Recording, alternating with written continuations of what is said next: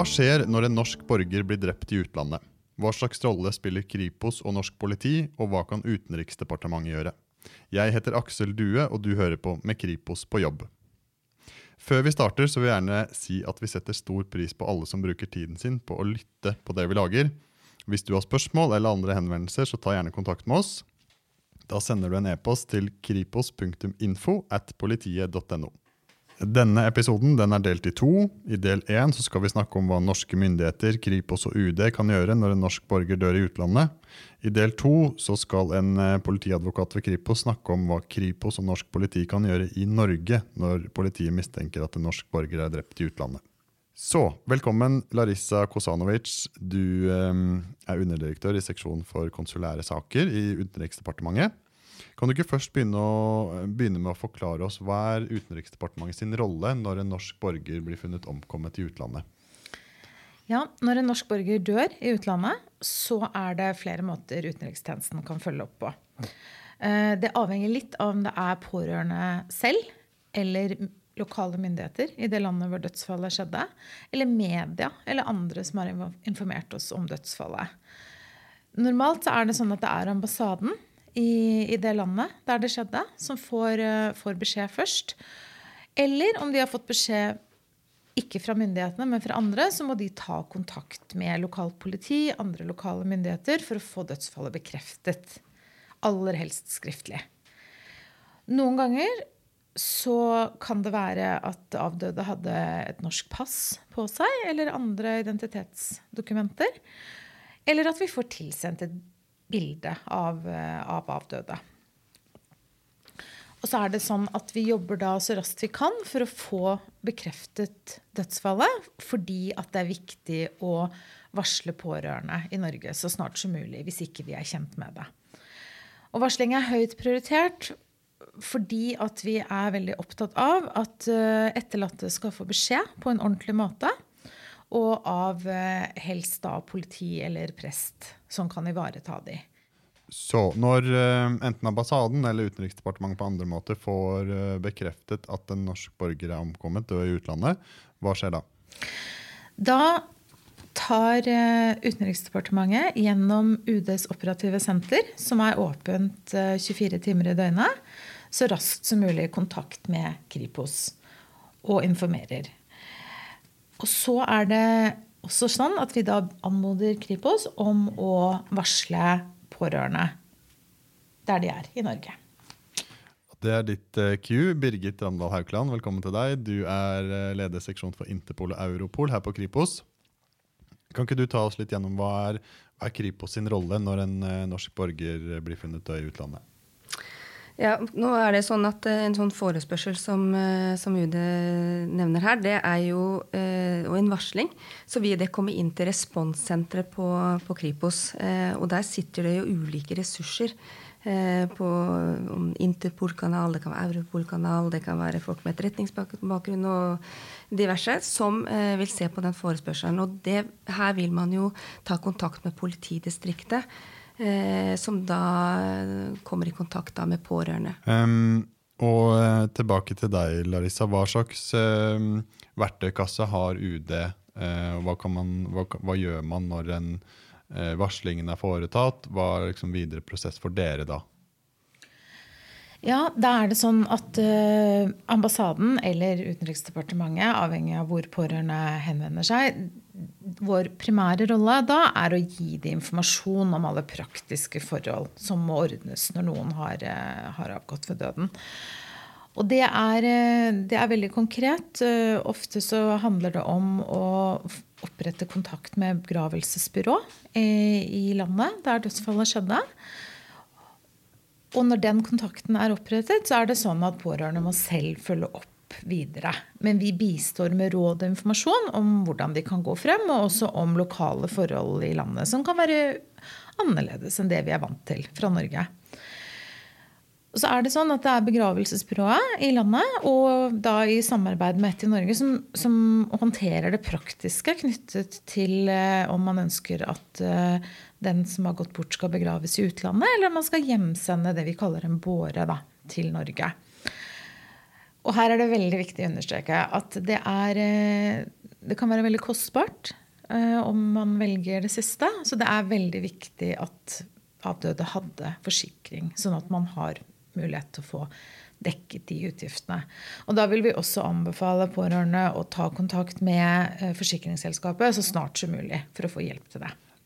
Eh, som pårørende i Norge, når man har mista noen i utlandet, enten det er naturlig død eller det er noe kriminelt som ligger bak, så, vil det jo være mye praktisk som man må forholde seg til. Hva er Utenriksdepartementet sine råd til etterlatte som står i en sånn situasjon? Det hyppigste spørsmålet som kommer opp, det er jo ofte spørsmål om utgifter. Eh, og da er det veldig viktig å være klar over at utenrikstjenesten, eller norske myndigheter for øvrig, ikke dekker utgifter forbundet med dødsfall i utlandet.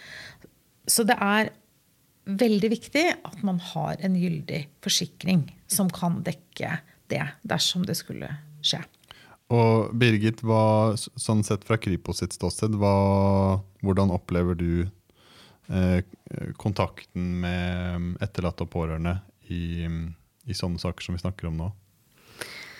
Jeg kan i hvert fall si at eh, det er veldig lett å forstå den fortvilelsen de har da, eh, ved at de har eh, mista noen.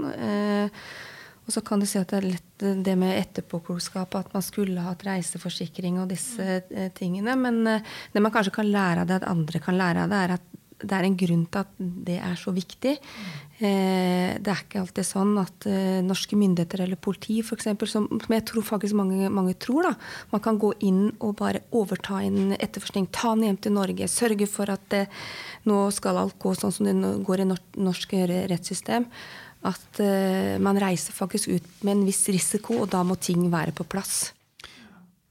Og så, mm, dersom eh, det er mistanke om noe kriminelt, uh, mistanke om at uh, en norsk borger er drept i utlandet, hva, hva slags um, verktøy hva kan UD bistå med da? Ja, Hvis det er sånn at når vi får eh, informasjon om dødsfallet fra politiet i landet der det har skjedd, og det viser seg at de mistenker at her har det ligget noe kriminelt bak dødsfallet, da varsler vi på nytt til Kripos. Eh, så da går det en særskilt varsling om det. Og vi deler den informasjonen som vi mottar da fra lokalt politi med Kripos så raskt vi kan. Og det er for at vi skal opprette kontakt, så samarbeidet kan begynne å skje i det vi kaller politisporet. Og det er jo da samarbeid mellom politimyndigheter i Norge og politiet i utlandet. Og det kan gå i forskjellige kanaler. Um, da ser vi på deg igjen, Birgit. Um, politi, altså Kripos som internasjonalt kontaktpunkt har jo mange ulike kanaler. Ehm, men når denne andre varslingen fra UD kommer, og man mistenker at en um, norsk borger er utsatt for noe kriminelt uh, som har fått døden til følge, det er ikke gitt at det er et drap, men ja. Um, hva, hva, slags uh, verktøy, hva, hva, kan Kripos uh, gjøre da? Det er jo viktig å opp, opprettholde den gode kontakten som vi har med UD. Og så blir det å ta kontakt med aktuelt land for å få tak i informasjon. Eh, så har man jo, som jeg nevnte litt tidligere, litt ulike kanaler. Om man skal gå i Europol-kanalen og spore eller Interpol. Ofte så kan du si lenger ut man er i verden, da er det da Interpol-kanalen som, som, gjerne brukes da. Eh, men da er det veldig viktig å komme i kontakt med politiet de, i det aktuelle landet og eh, få tak i informasjon. Eh, men så er det også sånn at der hvor det har har det skjedd en kriminell handling, så er det det landet som eier den etterforskninga. Eh, så det betyr jo at eh, vi tilbyr eh, Vi kan tilby bistand. Vi kan be om spørre om de trenger noe informasjon med oss, og være egentlig veldig på tilbudssida og passe på at vi har kontakt. Men vi er helt prisgitt at det landet også vil ha kontakt med oss. Og noen land så er det ikke noe problem, men andre land så er det mye, mye vanskeligere.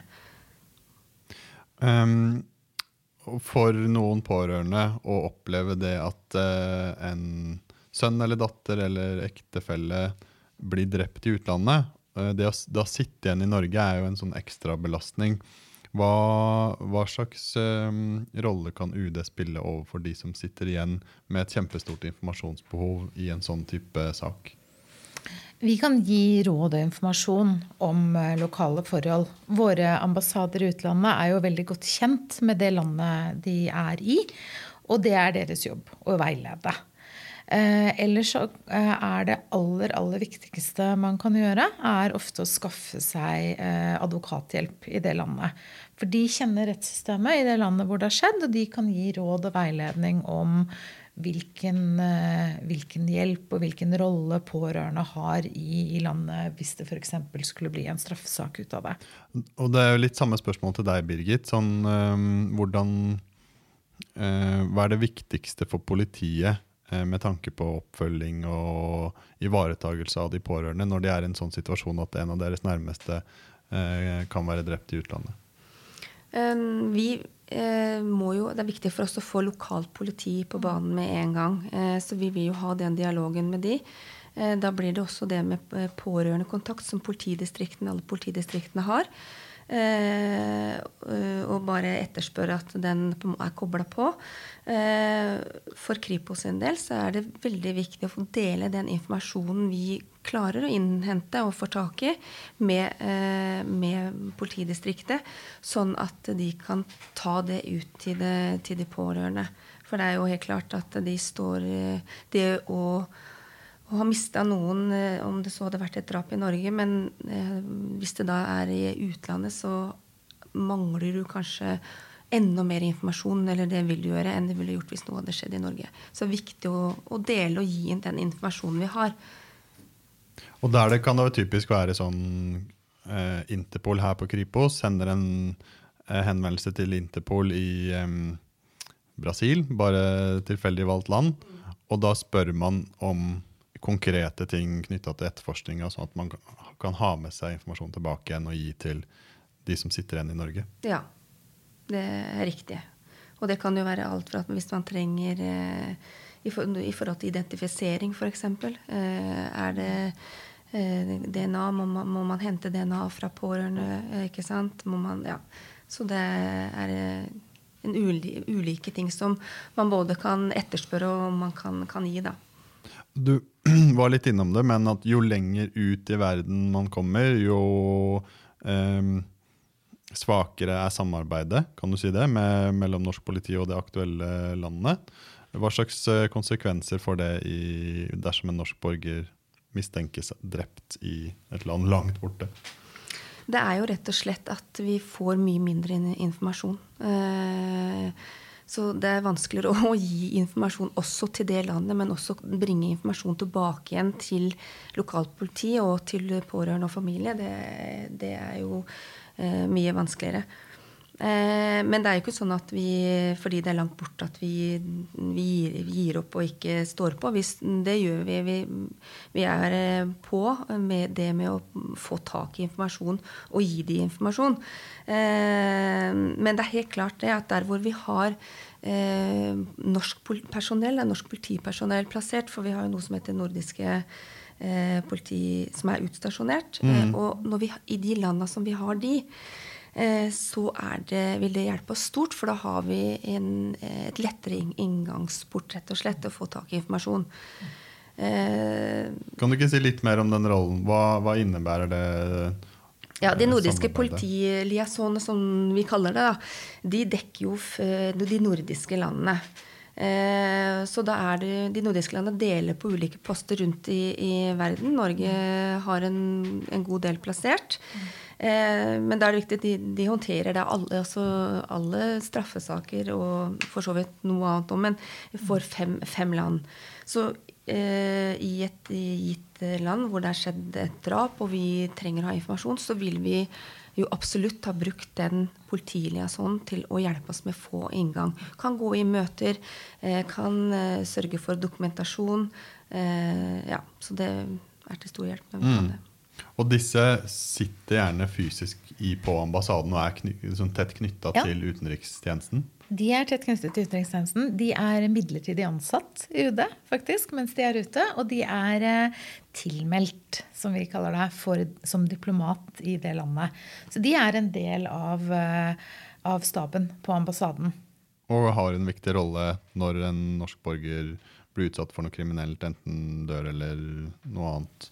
Absolutt. Sånn som det ble beskrevet her. Det, det, har de. Fordi at det letter absolutt tilgangen til informasjon. For de har jo da sitt nettverk som de har opparbeidet i landet, og har gjerne veldig gode, gode kontakter inn i lokalt politi, som gjør at eh, vi kan få utvekslet informasjon raskere. Bra.